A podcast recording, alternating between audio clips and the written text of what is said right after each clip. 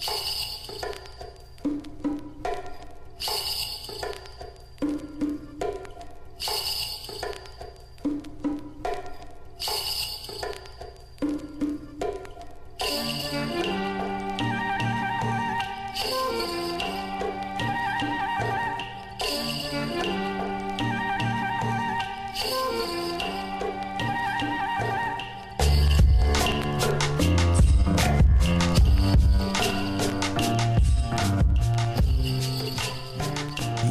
sumar munum við endurflytja fimm þætti um kýmverska tónlist sem Arþór Helgason gerði fyrir Ríkisútarfið fyrir um 20 árum síðan.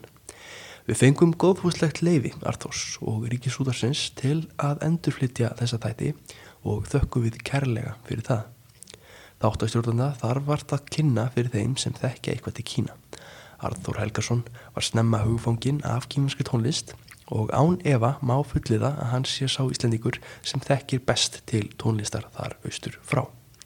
Það er því mikill fengur að því að geta endurflutt þættina hér. Eins og ég nefndi eru þættinir alls fimm talsins og fyrsti þátturinn fer hér á eftir. Njótið vel.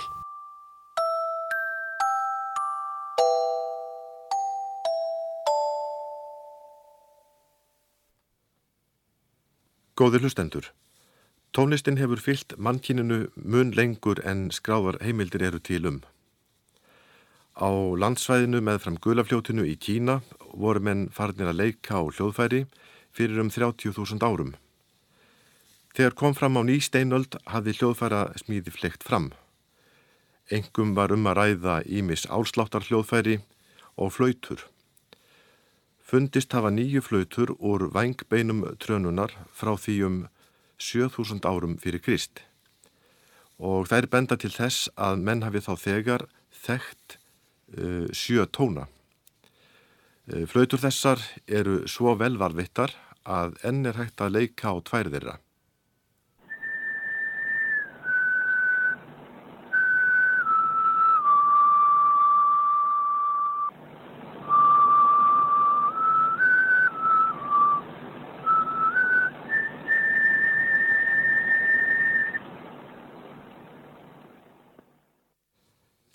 Þetta var örstutt hljóðdæmi með 9000 ára gammalli flautu úr vangbeini trönunar. Eh, flautan er 20 cm á lengt með sjögötum og dæmi þetta er tekið úr, úr morgunútsendingu CBS útastöðvarinnar í Washington. Heimildir herma að keisari sá sem nefndur hefur verið guli keisarin og mun hafa verið uppi snemma á þriðja árþúsundi fyrir Krist hafi sendt einn af embættismönnum sínum til vestur landamæra ríkisins og hafi hann þar fundið undirstöðu tónin sem samsvara víst nokkur neginn tóninum F sem við þekkjum. Þjóðsögur um þessa sendi för eru all misvísandi en ímislegt bendi til að, að á þessum dögum hafi kínverjar þekkt hinn svo nefnda fimm tónastiga sem samsvarar svörtunótonum á pjánóinu Tónstígi þessi er eh, sennilega miklu eldri eins og dæmið um hlautuna hér áðan sínir. Og þessi tónstígi hefur reyndar sett svip sinn á kynverska tónlist allt fram á okkar daga. Frá ný steinöld hafa fundist fjölmörg hljóðfæri í Kína. Má þar nefna flöskulega flautur úr leir sem sumir kalla krukkuflautur. Þetta litla hljóðfæri sem nefnist á kínvesku sín hefur engar mildan og sérstæðan tón. Á undanförnum árum hafa eiru tónlistamanna opnast fyrir töfrum þess. Árið 1978 fannst í fylkinu Húbei í Kína gröf aðalskonu frá smárikinu Chang sem bar ættanafnið Yi. Gröfin var ríkulega búinn alls konar hlutum. Þar á meðal voru margs konar hljóðfæri sem hafa varpað aldjóðlega nýju ljósi á kínverska tónlisti forna. Gröf þessi er frá því um 400 fyrir Krist en þá voru miklir umbróta tímar á meðal þeirra ríkja sem síðar mynduðu stopnin að kínaveldi. E, við skulum hlusta á lægið Gull þrösturinn Harmar Örlög Jín sem fjallar um sorg skáldsins Zhu Yen þegar hann fjetti að höfðborg ríkisins Tjý hefði fallið í óvinni hendur. Harmur skálsins var slíkur að það framdi sjálfsmorð. Aug sínflötunar er leikið undir á gút sín sem er æfafont strengjaljóðfæri.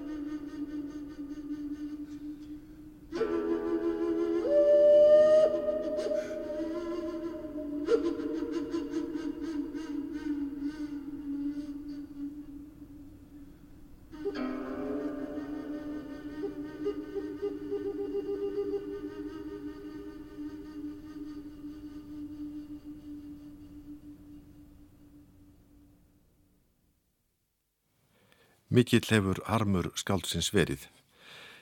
Eitt þekktasta sljóðfærið sem kom fram á öðru árþúsundi fyrir Krist er sjengmunnorgelið en e, það er aðalega gert úr bambus og er eins konar formóðir ímissa hljóðfæra svo sem harmonikunar og munnhörpunar. E, sumir fræðmenn telja reyndar að reykja megi orgelsmíði til þessa hljóðfæris. Á dögum Konfúsiusar sem var fættur árið 551 og liði til 479 fyrir Krist hafði það alltaf 32 hljóðpípum en nú er aldingt að það séu um það byrj 17. Það er enn vinsæltu undirleiks hljóðfæri í kínveskum þjóðlegum hljónsveitum.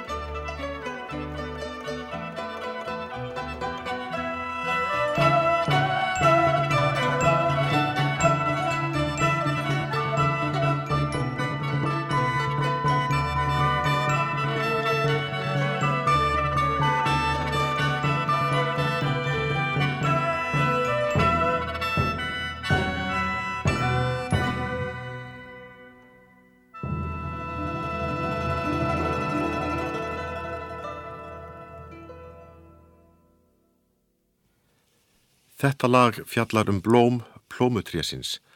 Gróður og landslag eru viðfangsefni margra kýmverskra þjóðlaga en það hefur kýmversk tónlist oft verið kjent við þína svo nefndu hermitónlist. En vikjum nánar að gröf greifinunar frá smárikínu Tjöng. Á meðal þess sem fannst í gröfinni voru 63 klukkur úr bronsi. Samtals vega þær um 2 tonn og er, eru þær stærstu nokkur hundru kíló á þyngd en hinnast mestu einungjus um 2 kg. Hægt er að framkalla tvo tóna með hverri klukku og er því tónsvið þeirra ótrúlega mikið. Klukkurnar eru ríkulega skreittar ímsum myndum og táknum sem fræðimenn telja að séu einhvers konar nótur. Í fornum kínveskum heimildum greinir frá því að menn hafi komist að niðurstöðu um rétta tíðni tóna þegar á 8. öld fyrir Krist en þá var Tjúríkið einna volduast þeirra ríkja sem síðar mynduðu kínaveldi. Verðist svo sem klukkurnar úr ígröfinni staðfesti þetta. Það er auglust að á þessum tíma þekktu kínverjar tóltónakerfið og virðast hafa notað það að einhverju leiti. Um þetta leiti höfðu menn skipt kínverskum hljóðfærum í áttaflokka og fór skiptingin eftir efni við hljóðfærana og hvernig leiki verið á þau. Í gröfinni fundust dæmum alla þessa áttaflokka. Engin veit hvernig tónlistin hljómaði á þessum tíma. Kínverskir fræðimenn hafa því reynd að semja verk í fornum stíl og hafa þá tekið mið að þjóðlögum sem hafa varðveist í afstjæktum hjörðum húbeifylgís. Hlýðu nú á verk sem nefnisti einleikur á Björnzung klukkuspilið eftir Peng Qiangxiang sem er stjórnandi hinnar þjóðlegu hljómsveitar húbeifylgís.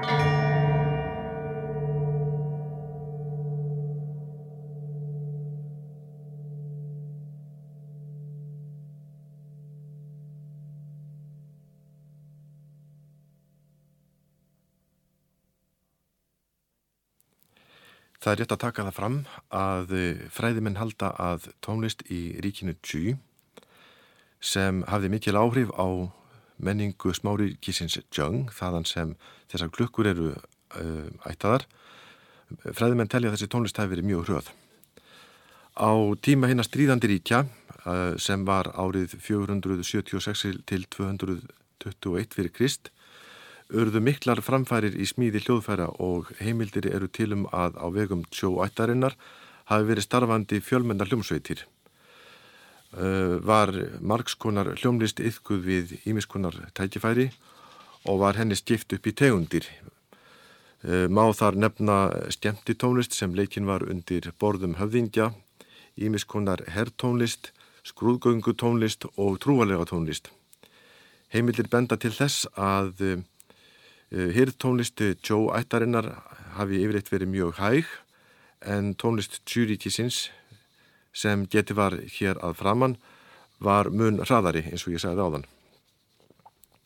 Mart bendi til þess að keisarar Joe Ríkisins hafi látið varveita um, forna tónlist og frásagnir greina frá töfurum forna dansa sem áttu rætur að reykja hundruð ár aftur í tíman. Á tímabili hérna stríðandi ríkja var kínversk tónlist fyrir miklum áhrifum frá ymsum þjóðum sem byggu við landamæri kínversku ríkjana og fengu kínverja frá þeim fjölmörg hljóðfæri. Þegar keisarin Qingsu Huang sameinaði kínversku ríkin undir einastjórn árið 221 fyrir Krist, leta hann eidilegja það sem hann komst yfir af rítuðum heimildum um ljóðlist og tónlist fyrir tíma því að hann áleit að sagan ætti að hefjast með sér. Þeir voru því nokkuð svipaður með þetta Mao Tse-tung og hann stopnuðu báður til einhvers konar menningabildingar. En á dögum hann, keisarættarinnar, sem ríkti á árunum 206 fyrir Krist til ársins 220 eftir Krist, var unni skipulög að því að endur heimta gamlar hefðir og skrá ímislegt sem varðvist hafi með þjóðinni frá fyrir tíð. Eh, þá var komið á fót sérstakri stopnum, Jöfú, sem annaðist skráningu þjóðlaga og á vegum hennar störfuðu tónskáld og hljóðfæraleikrar við að semja nýja hyrðtónlist. Þessi stopnun sem var komið á fót árið 108 fyrir Krist var við líði um nokkura aldarskeið en nignaði mjög á fjórðu öld. Um þetta leiti uksu borgir mjög í Kína og sérstokk borgarastjætt var til. Tónlist var viðhauð við Ímis tækifæri og á fjörðu og fymtu öld eftir Krist örðu þámennar hljómsveitir, strengja og blástur hljóðfæra algengar. Frá þessum tíma hafa varðist nokkur nótnakjærfi. Einna mestum ljóma stafar þó frá tímabili Tang keisarættarinnar sem ríkti frá 607 til 918 eftir Krist. Við hýrð keisarana störfuðu fjölmarkir tónlistarmenn og dansarar og skáld. Ímis stjólög eru talin eiga rætur að reykja til þessa tíma. Við skulum hlusta á Sun Gwyn Sjöng leika verkið uh, Rennandi vatn en þetta verk var fyrst uh, byrt í tónlistarsafni sem kom út árið 1425 og þar greinir frá því að þetta verk eigi rættur að reykja til tang tímabilsins. Lýst er hinnu eilifu hringrás vatsins og hljóðfærið, gút sín sem leitið er á, er eins konar sjöstrengja eh, sítar og var þetta tiltekna hljóðfæri e, smíðað e, nálagt árunnu 930. Þannig vil ég rétt að taka það fram í þessum þætti að tæknimaður þáttarins, Hrinn Valdimarsson, Eh, hljóriðtaði þetta í september 1985.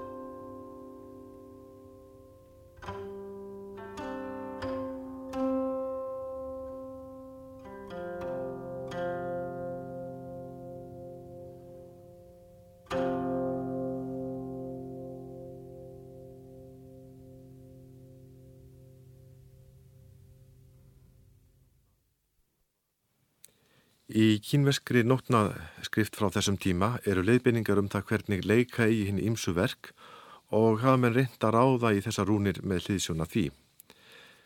Einna helligasta sann gammallar tónlistar er að finna í handriti sem skrifa var árið 933 eftir Krist og fannst ásamt miklum fjölda ljóðahandrita árið 1907 í Dunhuang hellunum í vestur Kína. Á fjórða áratug þessar aldar rannsökuðu nokkurir japanskir tónlistarfræðingar handritið og komist að því að nótnarskriftin var stild gamalli japanskri nótnarskrift sem talið er að hafi borist til Japans frá Kína.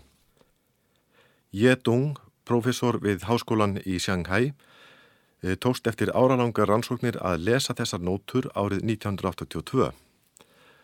Laugin sem skráð eru í handritinu heita ymsum nöfnum sem virðast eh, vísa fremur til ljóðahátta en einstakra kvæða. Þegar hlustaðir á þessi lög kemur í ljós að lýtiska tóntegundin sem Íslendingar þekkja svo vel, vel annars frá læginu Ísland farselda frón, er býstna algeng. Einnig má heyra dæmi um dóriska tóntegundir og fleira. Hlustum á eitt dæmi.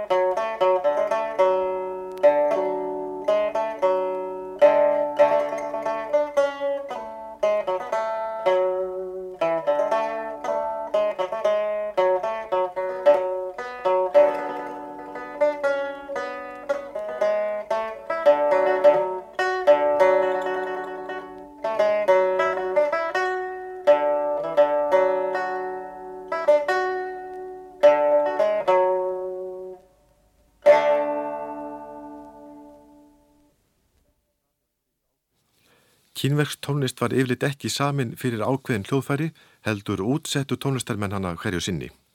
Jedung notar kínverska lútu eða pípa sem er fjórastringja lúta til þess að eh, flytja þessi lög en pípan barst til Kína á tangtímabilinu og leiðbeiningar í þessu handriti benda til þess að lögin séu samin fyrir þetta hljóðfæri. Að vísu telja sumi fræðimenn að hér sé eftirvill um rattsetningu fyrir pípaðaræða sem eh, eigi þá að leika í stærri hljónsveit. En Jedung hefur látið syngja suma þessum lögum við þekkt kvæði frá tangtímabilinu og það virðist ganga upp. Jedung hefur einnig uh, kannad hvernig þessi tónlist hljómar í flutningi hljómsveitar.